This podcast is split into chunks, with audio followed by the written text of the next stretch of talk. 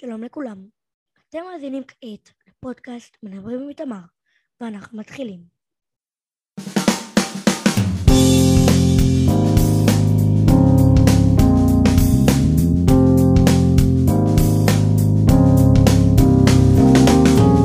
היום אנחנו עומדים לראיין כשחקן, מוזיקאי, הבמאי, תסריטאי והמדבב עידו מוסרי. עידו התחיל את הקריירה שלו בגיל צעיר בתוכניות טלוויזיה. הוא שיחק ומשחק בתיאטרון הגשר ובתיאטרון הקאמרי. הוא שיחק בילדים הבאים, בנעלמים 4, ומדבב במדינת הגמדים, כמובן שהוא שיחק בעוד הרבה מקומות. הוא דיבב הרבה מאוד מאוד סרטים וסדרות. ומרכזי הוא בוב ספוג מכנס מרובר! הוא אפילו שימש כבמאי בבוב ספוג הסרט. תאמינו או לא, הוא שיחות בהוליווד. מסתבר שלא רק גל גדות היא הגאווה שלנו בהוליווד. והוא משחק בפרסומת של פסק זמן בתור...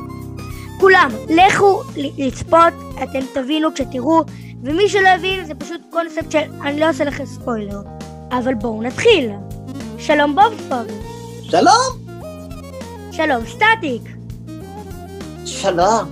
שלום דיוק אבור. שלום, שלום. יו קבו. שלום ג'ורג' בירד. שלום! שלום! שלום! ושלום לעידו מוסרי.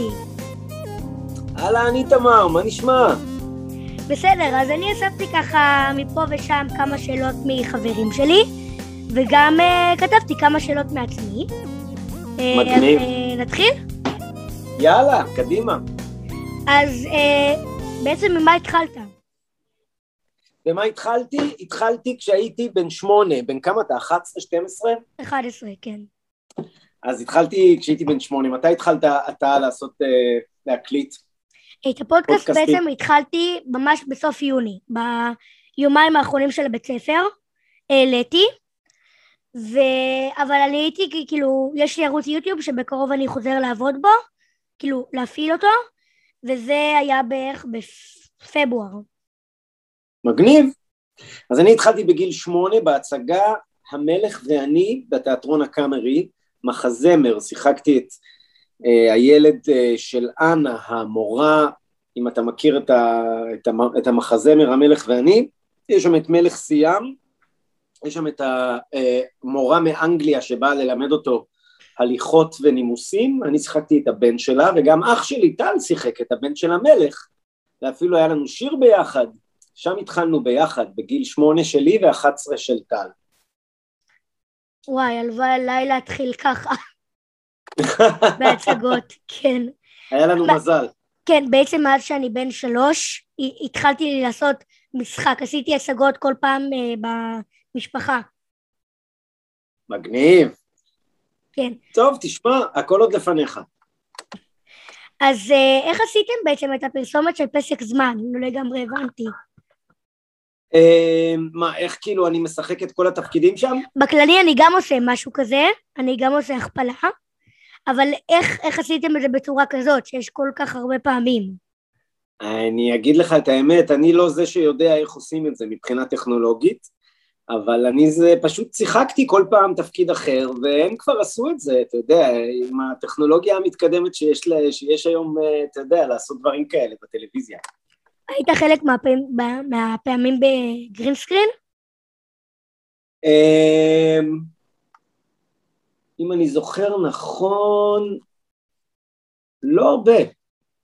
זה לא היה כל כך עניין של גרין סקרין, זה היה יותר עניין של אמ, לצלם אותי בפריים פתוח, ואז משאירים את הפריים כמו שהוא, לא נוגעים בו, ואז אני בא עם דמות אחרת, ועומד ליד, ופתאום יש לך שתי דמויות באותו פריים, אבל זה לא היה דווקא שימוש בגרין סקרין, אם אני זוכר נכון.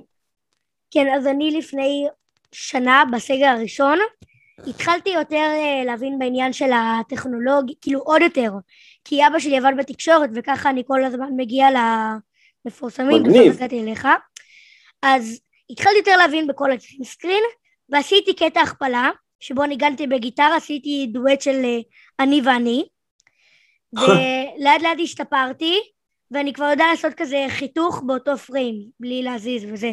עשיתי כבר כמה סרטונים כאלה. מגניב. אז היו פעמים שנהיית צרוד מהדיבובים? כן, בטח, אה, אבל אה, למדתי במשך השנים אה, לעשות את זה בלי להצטרד. ברוב המקרים אני לא מצטרד, אני דווקא יכול להיות צרוד מהצגות שאני משחק בהן, שלפעמים הן דורשות ממש טוטליות מבחינה קולית, רגשית גם, אבל סך הכל יש כל מיני טכניקות לא להצטרד. מאיזה קול הכי הרבה נהיית צרוד? מבוב ספוג אני חושב, אבל uh, כבר, uh, כבר לא, אני כבר באמת המון שנים uh, לא מצטרד ממנו. Uh, היו כל מיני דמויות שעשיתי מזמן, אני כבר לא זוכר, כל מיני תפקידים של רעים כאלה, שאתה עושה כזה קול צרוד, זהו, גומר את הכל, אבל uh, פעם עשינו איזה דבר שקראו לו באג בראש, שם עשיתי מפלצת כזאת. אז זה עושה קצת uh, צרידות, אבל אני משתדל לא לעשות כאלה דברים שגומרים את הגרון. כן, במיוחד אם אתה בהצגות, שזה עוד יותר קשה, כי אתה, לפעמים אתה צריך גם לשיר. לשיר, ובדיוק, ולא לסתום את הפה בהצגות מסוימות, וזה הכלי שלי, אחד הכלים שלי, זה והגוף שלי, וגם הנפש, אבל באמת באופן פיזי זה הגר... המיתרי קול וה... והגוף, אה, אז אני ממש צריך לשמור עליהם. אז מה הכי הצחיק אותך לעשות בכל הקריירה שלך? בובספוג, הכי מצחיק, זה בית ספר לקומדיה, זה הדבר הכי מצחיק שיש, אני הכי אוהב את זה בעולם. כאילו, היו פעמים שנפגשת עם כל השחקנים? היו לכם פעמים לא, כאלה? לא, אנחנו מקליטים בנפרד, זה קטע. כן, את זה אני יודע. את זה אני יודע, אבל את, כאילו, לא נפגשתם בכלל? נפגשנו לפעמים, אתה יודע, שחקן uh, מסיים סשן ושחקן uh, מתחיל סשן, זה כן. אבל uh, לא יותר מזה. וזה קטע שאתה יכול עשרים שנה לדבב משהו ולא לפגוש את השחקנים שמדבבים איתך. וואו. אבל כן נפגשנו פה ושם, uh, כמו, ש... כמו שהסברתי לך, בהתחלה או בסוף הקלטה. כן, אז שמעתי שביימת את הדיבור של, ה... של באופן הסרט. איך זה נכון, לביים? נכון, הסרט הראשון, אני לא הייתי אמור לביים את זה, אבל הייתה שם איזה מין תקלה והבמאי לא יכול היה ברגע האחרון, ואז אמרו לי, אתה תביים את זה, וזה היה נהדר, זה היה מאוד כיף, אתה מקבל באמת הזדמנות לפגוש את כל השחקנים, כי הבמאי נמצא שם כל הזמן. ו... וזה כיף, וזה גם נותן לך יותר מעורבות ושליטה ב...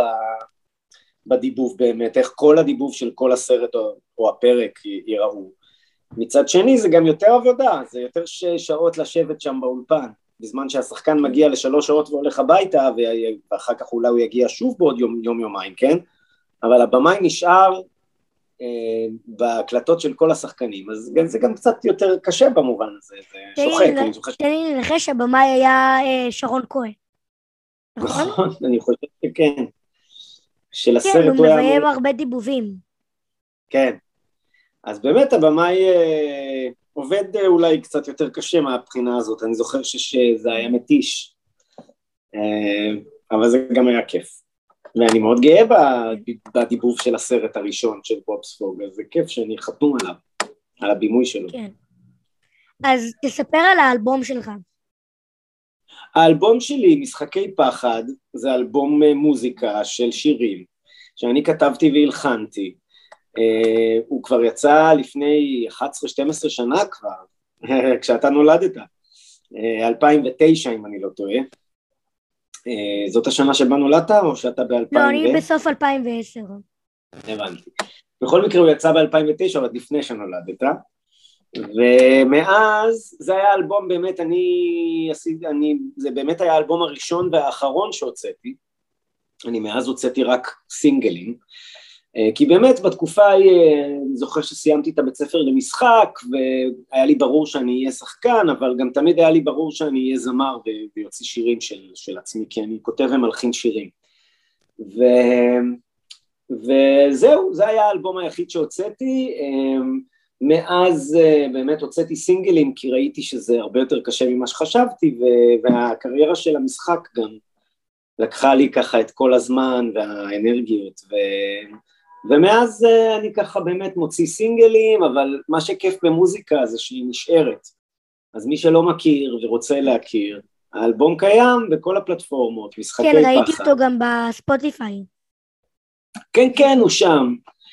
וגם סינגלים שהוצאתי מאז, הכל נמצא בספוטיפיי, באפל מיוזיק, ביוטיוב, אז uh, מוזמנים לשמוע, אז, uh, ו- ו- ואני עדיין כותב שירים פה ושם, אולי אני אמשיך להוציא פה ושם, אבל אלבום מעניין אם, אם אני אעשה עוד אחד בחיים. הלוואי שכן. אז אתה יכול לראות פה שיש לי כאן אה, איזה שתי גיטרות. אה, אתה מנגן? כן, יש לי חשמלית וקלאסית, ויש לי גם. אורגן כאן. כל זה העולם שלי. המצלמה, חצובה, תאורות, הכל נמצא פה. אז, איזה אה, מלך. אז אני מנגן, ואורגן לימדתי את עצמי. זה היה מאוד כיף. מעולה. וואו, איזה כישרון. אז תמשיך, אני גם לימדתי את עצמי, למרות שלמדתי שנתיים בגיל שלך, ואחר כך הפסקתי. גם אני ולימדתי. למדתי שנה וחצי אורגן, כן. שכחתי הכל, למדתי את זה בגן. למדתי, שכחתי הכל. כן, עכשיו, מה הקטע? שהמורה שלי לגיטרה, הוא היה הגנן, גננת בזכר, הראשון שלי. אה, כן? אז מגניב שאתה מנגן. אז, אה, אז יש לנו את הקטע הזה במשותף, אני מנגן על פסנתר בעיקר, וגם קצת על גיטרה. כן, הוא... כתבתי יחד איתו איזשהו שיר, וגם uh, כתבתי uh, סרט עם בן דוד שלי, תסריט? כן, תסריט. Uh, ואני. לסרט באורך. אה? הסרט הראשון יהיה בערך באורך אה, 50 דקות, ואני עכשיו, כן, הוא עם 66 עמודים, וואו, כן, ואני עוד מעט גומר לכתוב את הסרט השני, שאנחנו עומדים לצלם בפסח, שהוא עם אתה- איזה 100 עמודים. מה אתה אומר? איזה ילד אמביציוזי, מדהים. כן, אני מאוד אוהבת את התחום הזה של הקולנוע והמדיה, כמו אבא שלי. מדהים, מדהים, מדהים. תשמע, אם כתבת תסריט בגיל 11, אני עוד לא הצלחתי לכתוב תסריט ואני בן 43. עכשיו, אני הסתכלתי על כל מיני תסריטים השונים שלי, כמו שאמרתי בפודקאסט עם גיורא חמיצר, ו... וזה מביך אותי, כי כתבתי, כתבתי בוקר אה, גשום, גיא קמה. לא אמרתי חדר, יום, פנים, כלום. אז מי לימד אותך? הסתכלתי על כל מיני תמונות ודוגמאות של תסריטים, ומצאתי. למדת. יפה, יפה, יפה, יפה. מדהים. אז אני סקרן לראות את הסרט כשיהיה מוכן. כן, אז uh, עכשיו uh, שאלה שמישהו שאל, ניר דוד שלי שואל, um, מה אתה מעדיף לעשות? תוכניות למבוגרים, היהודים הבאים, או לילדים? בובספוג נגיד. אז uh, התשובה נעוצה בזה שאני אוהב את- את המגוון. אני אוהב, זה מה שאני אוהב במקצוע של המשחק, שיש בו מגוון. Uh, בניגוד למקצועות מסוימים שחוזרים על עצמם, uh, ואנשים uh, הולכים למשרד ועובדים uh, מהבוקר עד uh, חמש כזה, והיום, סדר יום שלהם נראה די דומה, uh, uh, יום זה למשנהו. אצלי זה שונה, וזה הרבה בגלל העובדה שאני עושה גם דברים לילדים, גם דברים למבוגרים, גם דיבובים, גם תיאטרון, גם טלוויזיה, קולנוע, מוזיקה אפילו קצת. זה הכיף, כמו שאתה סיפרת לי, שאתה גם עושה את כל הדברים השונים. כן. אה, בתוך, בתוך התחום הזה שנקרא, אה, אצלי זה משחק בעיקר, אה, למרות שזה גם מוזיקה, כמו שהבנת, אבל באמת במשחק מה שכיף שיש באמת גם מסך, גם במה, גם ילדים, גם מבוגרים, אני אוהב באמת אה, לעשות אה, כל מיני דברים, ומה שבסוף תמיד מנחה אותי זה ה- כמה החומר עצמו, התו- התוכן עצמו והיוצרים והיצירה, כמה הם איכותיים. ברגע שהם איכותיים, כמו בובספוג, אה, והיהודים באים, אז שניהם אני מאוד נהנה לעשות. ואת שניהם אה, הוא אוהב מאוד. אז מעולה, כשהוא היה ילד הוא צפה בבובספוג, והיום ביהודים באים. אז מעולה. וזה כיף, תשמע, זה כיף לעשות, לפנות גם לילדים וגם למבוגרים. זה כיף, אתה יודע שיש לך אפשרות לפנות לכל הקהלים, כמה שיותר, להיחשף לכמה שיותר סוגי קהלים. כן, אז כשמדבבים סרטים, זה פתאום עלה לי.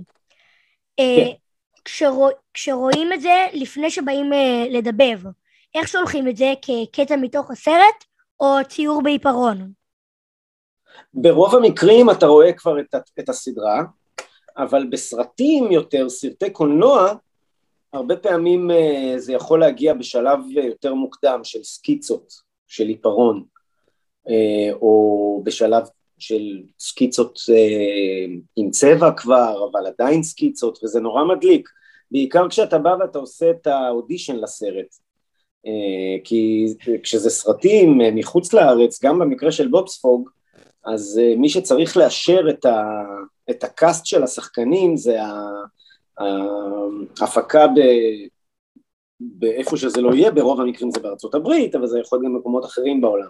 ההפקה המקורית שבאמת אה, אה, צריכה לאשר את כל הדיבובים בכל העולם. אז, אה, אז יוצא שהרבה פעמים אתה רואה סרטים בשלבים עדיין של באמת אה, סקיצות של אנימציה, וזאת זכות מאוד גדולה, זה ממש להיות אה, חלק מה... לראות את התהליך. כן, אבל כדי, ברוב המקרים, כן, כדי, כי, כי צריך שהסרט ב, בשפה העברית נגיד, יצא לא בהפרש ארוך מהיציאה של הסרט ה, בש- בשפה המקורית. נכון, נכון, נכון. אה, כן, תשמע, זה באמת בסופו של דבר סרטים, אתה יודע, של דיסני או של פיקסאר או כל מיני חברות כאלה גדולות שהן מייצאות את הסרטים שלהם לכל העולם ויש להם באמת מחלקות של דיבוב בינלאומיות ויש אנשים שאחראים על הדיבוב בכל מדינה או לפעמים באזורים מסוימים, באירופה, באסיה וכולי. זה עולם שלם ו, ובאמת כמו שאתה אומר, אה, ההפקה של הסרט דואגת שהסרט יצא איכשהו סמוך אה, אה, בכל העולם. אז יאלי מטורפת על בובספוג, מטורפת. Mhm. אז השאלות הבאות הן שלה. אוקיי, אז דבר ראשון, בובספוג בן 32? שאלה? זאת שאלה? כן. אני, לא- אני לא יודע, כנראה שהיא יודעת יותר טוב ממני. הייתה פעם איזה תעודת זהות שלו, וכאילו באחד הפרקים, אז, או רישיון נהיגה, אז כולם ככה מייחסים לזה את ה... אה, לי יותר נראה שהוא על גילי, אבל אה, יכול להיות שכן יש לו גיל, כי עכשיו יש את הסדרה אה, קמפ קורל, שהיא עולה אוטוטו, שזה... מחנה אלמוגים? כן, זה בדיוק השאלה הבאה שלה. אז אז בבקשה, מה השאלה? לפני כמה זמן רצו ליצור את מחנה אלמוגים? אז הנה זה קורה, זה יוצא, אני כבר דיבבתי את זה. זה נקרא מחנה אלמוגים, אה, בעברית אומרים אלמוגים, לא אלמוגים אלמוגים, גם אני חשבתי שזה אלמוגים, אבל זה אלמוגים, ובאנגלית זה נקרא קמפ קורל, וזה באמת אותה חבורה של בובספוג כשהם היו עוד יותר קטנים, איך הם הכירו בעצם, וזה ממש מגניב, כנראה שלפי זה יש לו איזשהו גיל, אם הולכים אחורה לעוד כן. יותר מוקדם.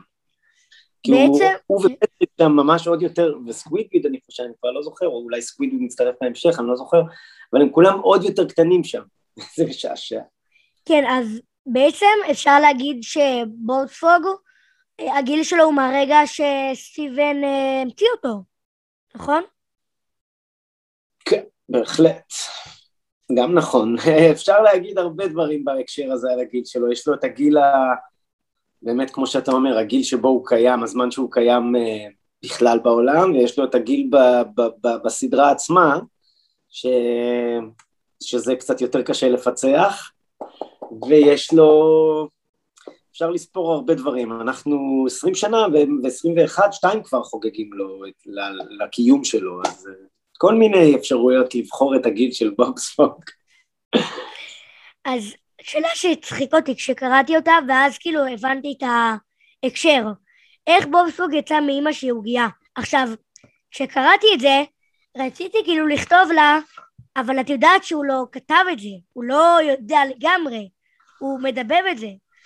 אה, אבל אה, אמרתי יאללה נשים, ותגיד מה ש... אז עוד פעם, איך הוא. יצא מאימא שהיא עוגייה? כן, אני אפילו לא מודע לזה שהוא יצא מאימא שהיא עוגייה. אני דיבבתי כל כך הרבה פרקים, כל כך הרבה שנים, שכל מיני ילדים תמיד אומרים לי, אתה זוכר את הפרק שככה וככה, או את הפרק שככה וככה? ב-90% מהמקרים אני לא זוכר. מרוב פרקים שדיבבתי, כי גם כשאני מדבב אני מרוכז איכשהו בדיבוב, ולא תמיד אני בכלל קולט את העלילה. אני קולט, אבל איכשהו. קורה מה שיש, קורה מה שיש, וזהו. אני, תשמע, לפעמים אני קולט יותר, לפעמים פחות, אבל uh, אני ב... פשוט מדבב את, uh, את הספוג. כן, ו- וכשאתה מקליט, אז אומרים לך, אוקיי, עכשיו פרק 32, אוקיי, עוברים לפרק 33. אומרים, או שפשוט אתה מקליט את הסשנים שכתובים לך? אה, זה כתוב איזה פרק, וגם הבמאי יודע את זה, וברוב המקרים הבמאי הוא גם הטכנאי, זאת אומרת, אנחנו אחד על אחד. הטכנאי שהוא גם הבמאי שמקליט, מולי, שאני מקליט את ה... הוא מקליט את זה על המחשב, אני מדבב. וכן, אני יודע איזה פרק, וגם לפעמים הוא מסביר לי מה קורה בעלילה, אה, אם אני צריך, אה, כי ברוב המקרים אני קולט תוך כדי דיבוב, כן? אבל איכשהו לא תמיד, אתה לא באמת, כשאתה מדבב פרק אתה לא באמת יושב ורואה את הפרק כמו שרואים אותו אחר כך בבית. אתה בתוך זה, ואז זה, זה קצת שונה. כן. אז חזרנו לשאלות הרגילות. אוקיי. אה, איזה דיבוב היה לך הכי כיף לעשות?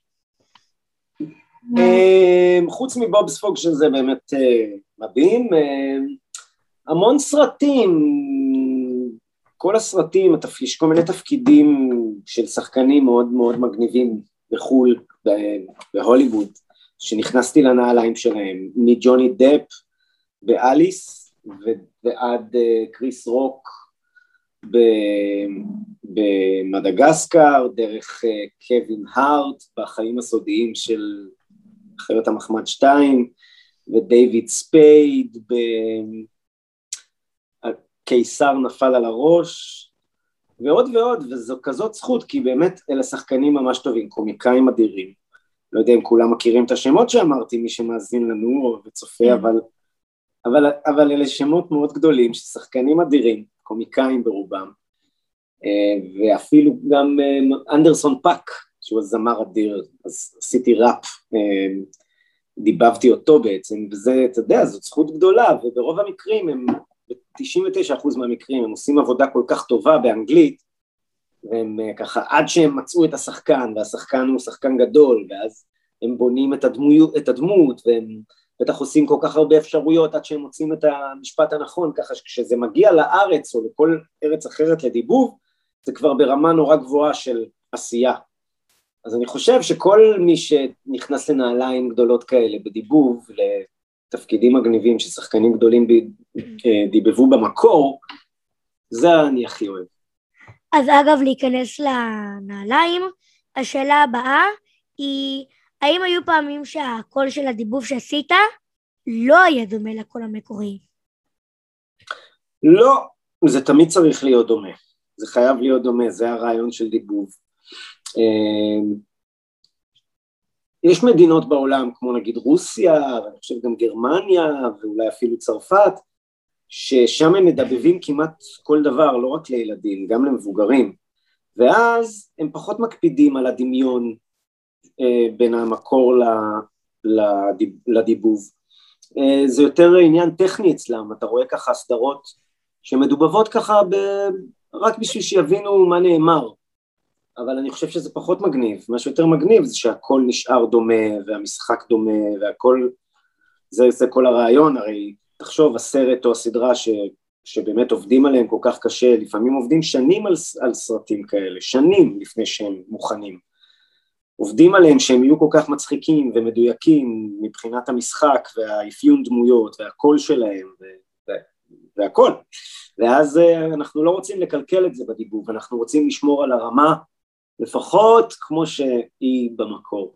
אז אה, ב-99% מהמקרים הכל הוא ממש דומה, זה הרעיון. אז איזה, באיזה סדרות וסרטים היית רוצה להשתתף? בכל סרט אה, שיש פה, אתה יודע, בכל סרט שעושים, דיסני, פיקסאר, אה, וורנר, אני יודע, כל החברות הגדולות, היום גם נטפליקס ודיסני פלוס גם עושים דברים מדהימים. בכל אה, סרט שיש בו תפקידים מגניבים, אני אשמח ל- לעשות דיבור.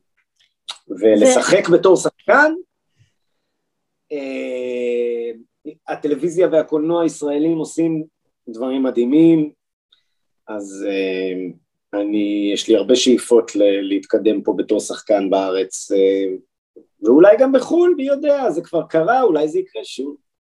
כן, אז בדיוק השאלה הבאה היא, מה היה כשבחרו אותך לשחק ב- בהוליווד? מה זה כן. התחיל? כן.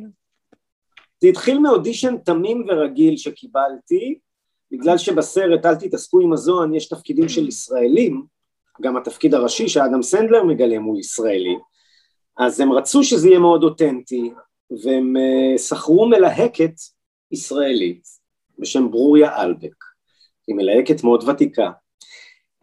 היא קראה גם לי לאודישן דרך הסוכנות שהייתי אז, ועשיתי אודישן עם עוד עשרות שחקנים ישראלים. בכל הגילאים, בגלל שהיה להם תקציב מאוד גדול, אז הם הרשו לעצמם לפתוח את האודישן לכל השחקנים הישראלים האפשריים כמעט, בכל הגילאים. נבחנו לתפקיד הגדול הזה שאני זכיתי בו בסוף, באמת שחקנים גדולים בארץ, והיה לי מזל גדול. וקיבלתי את התפקיד, וזה באמת היה מזל גדול מאוד. ו... ומשם כבר אדם סנדלר המקסים נתן לי עוד איזה כמה תפקידים מאז בסרטים נוספים שלו. סנדי וקסלר שאפשר לראות בנטפליקס, אה, סרט שנקרא אה, בקי לארסון, נולד להיות כוכב, שזה סרט שהגיע רק לטלוויזיה בארץ. יש סרט צרפתי שנקרא גנגסטרדם, שהיוצר שלו הוא גם יהודי מאוד אוהב ישראל, שמאוד אהב את הזוהן, אז כתב לי תפקיד דומה כזה בסגנון של הזוהן, בסרט שלו הצרפתי, גנגסטרדם. ויש סרט שנקרא uh, First We Take Brooklyn, uh, קודם ניקח את ברוקלין, נכבוש את ברוקלין או מה שזה לא יהיה, זה תרגום uh, לא מוצלח, של חבר, קוראים לו דני איי, שהוא גם לקח אותי, זה סרט עצמאי, הוא גם לקח אותי לתפקיד של ישראלי שם, ואלה בעצם הסרטים הזרים שיצא לי לעשות, חמישה במספר, ואני מקווה שיהיו עוד. אז בקשר ל"אל תתעסק עם הזוהן", בהתחלה חשבת שאתה תהיה איזה ניצב או משהו? לגמרי. כשקיבלתי את האודישן הייתי כל כך מתוסכל, כשקיבלתי את התסריט כאילו של האודישן, הייתי כל כך מתוסכל כי רק יצאתי מבית ספר למשחק ועדיין לא קיבלתי שום תפקיד וכמעט ולא קיבלתי לעשות אודישנים וישבתי עם איזה חבר וקיטרתי לו ואמרתי לו הנה תראה קיבלתי לעשות פה אודישן לסרט של אדם סנדלר נו באמת בטח במקרה הטוב הם ייקחו אותי לתפקיד של גופה ואיכשהו יצא שזה לא היה גופה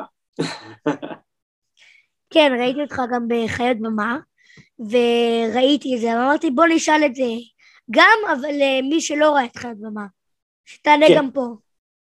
בכיף. אה, כן. השאלה כן. ששאלת כבר? כן, כן, זה שאלו. אז uh, פרסום בגיל צעיר. Uh, מה אתה ממליץ לילדים שרוצים להתפרסם?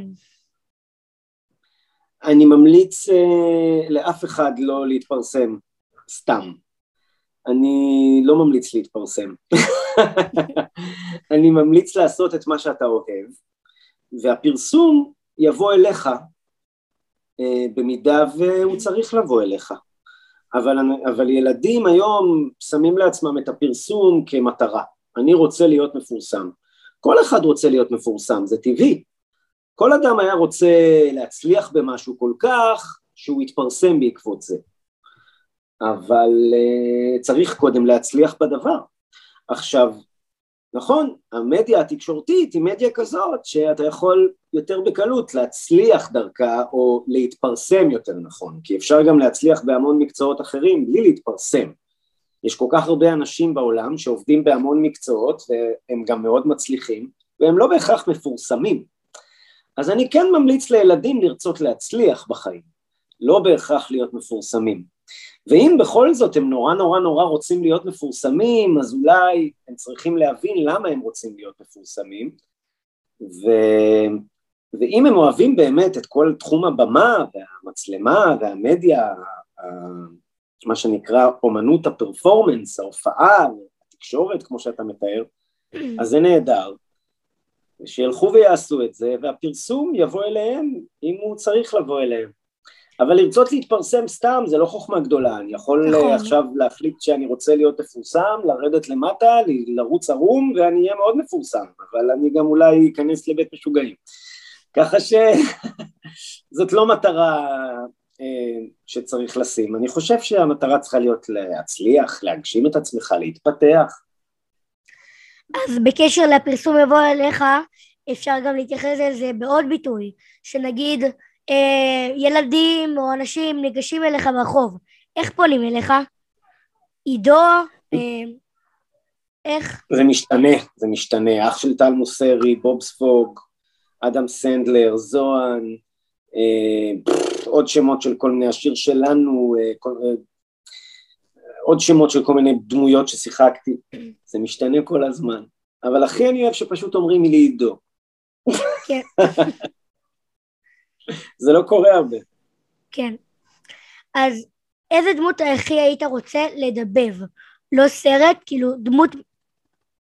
דמות. איזה דמות הכי? דמות קיימת, הופה, דמות קיימת? קיימת, כן.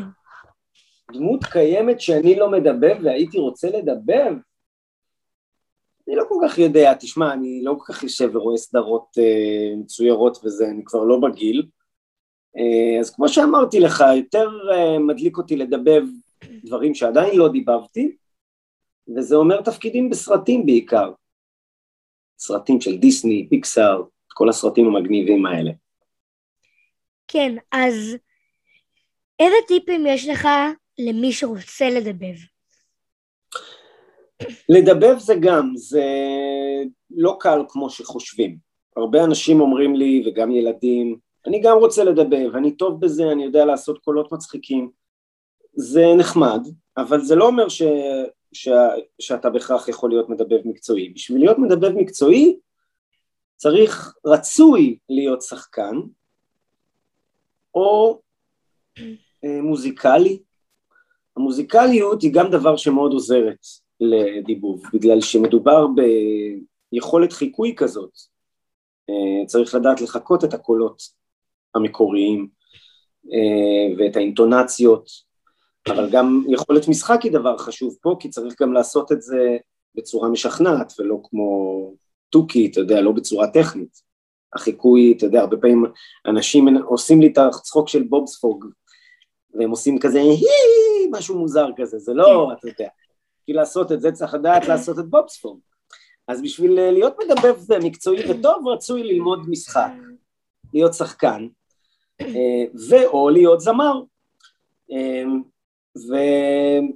וזהו, מעבר לזה, לא חובה ללמוד משחק, אתה יכול להיות מוכשר בזה ולא ללמוד, אבל אני כן תלמיד, תמיד ממליץ ללמוד, גם מהניסיון האישי שלי, ואני פשוט למדתי שככל שאתה לומד משהו ומתייחס אליו יותר ברצינות, אז שכרך יהיה בצדך.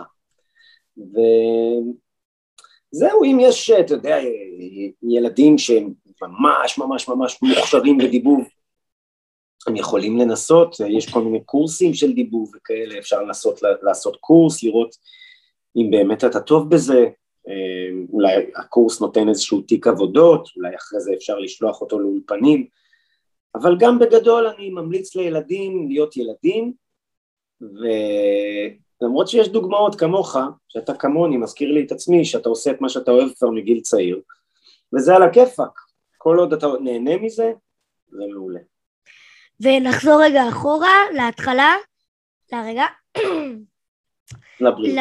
כן, למוזיקה. כשהייתי כן. קטן, אה, הי... כשבאתי לסבתא שלי בצפון, היה להם כזה אורגן וגיטרה, וכל פעם הייתי פורט, וכשהייתי קטן, ממש בן שלוש-ארבע, אה, סבתא שלי עשתה לי, אה, אפילו יש את זה עדיין ביוטיוב, אני יכול לשלוח לך, סרטון גיטרות לאיתמר. כל מיני סרטונים עם גיטרות, ובסוף תמונות שלי עם גיטרה. קטן, די. קטן, קטן, קטן. מהגיל הקטן הייתי עם הגיטרה. ממש. האמת שגם אני. אז כנראה יש לך את הרוקנרול בדם. עכשיו, משהו מצחיק. כשהייתי קטן הייתי עושה הצגות, כמו שסיפרתי לך, יחד עם מוזיקה. והקלטתי אה, עם סבתא שלי בטלפון שלה, ואז העברנו את זה למחשב, עשינו תיקייה הצגות. ועשינו כרטיסים וזה, ואז הקלטתי כולם לשבת, נא לקחת כרטיסים, ואנחנו ניקח לכם אותם ונחזיר אותם, כדי שתוכלו להיכנס. כזה. כן.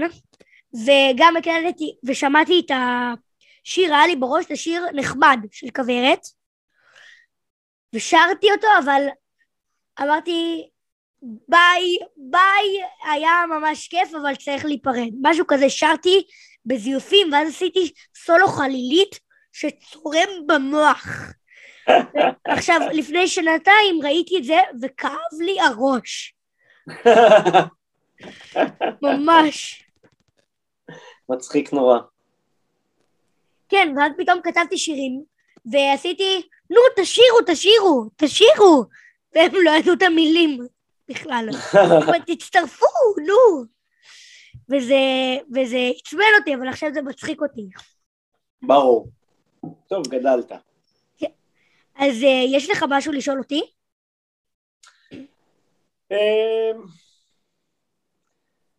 כמה זמן קיים הפודקאסט ואיפה אפשר לראות אותו? יראו אותנו גם או רק ישמעו? כי בפודקאסט אה, רק שומעים. כן, ישמעו, ביוטיוב גם אפשר לשמוע את זה, אני שם את זה עם תמונה. אה, עם תמונה, לא כן. לא עם הוידאו. כן, עם הלוגו שלנו. אפשר להזין לנו בספוטיפיי, בגוגל, בברייקר, אה. באנקר. כן. מגניב. לא, אין לי מה לשאול אותך. אה, כמה זמן באמת זה קיים? אמרת מ... חודשיים מ- וחצי. חודשיים יפה מאוד, וחצי. אתה, אתה עושה את זה ממש טוב בעיניי. יש לך עתיד, וגם הווה. נהדר, אני באמת חושב שנולדת לזה, ואתה עושה את זה נהדר, והיה לי נעים לשוחח איתך ממש. גם לי, תודה רבה עידו. תודה לך, איתמר.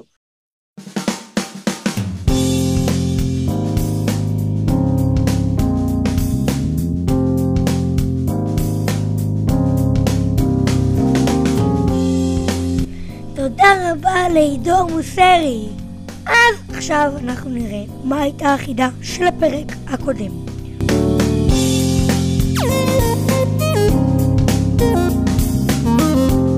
בואו נראה. החידה של הפרק הקודם הייתה איך אומרים שלושה ימים רצופים בלי להגיד ראשון, רביעי ושבת. ועכשיו לחידה של הפרק של היום. קוראים למשהו שככל שאתה יותר מוציא ממנו הוא יותר גדל? ואת התשובה החידה של הפרק הזה אנחנו נגלה בפרק הבא. תודה רבה שהאזנתם, ואנחנו נתראה בפרק הבא עם קרן מור.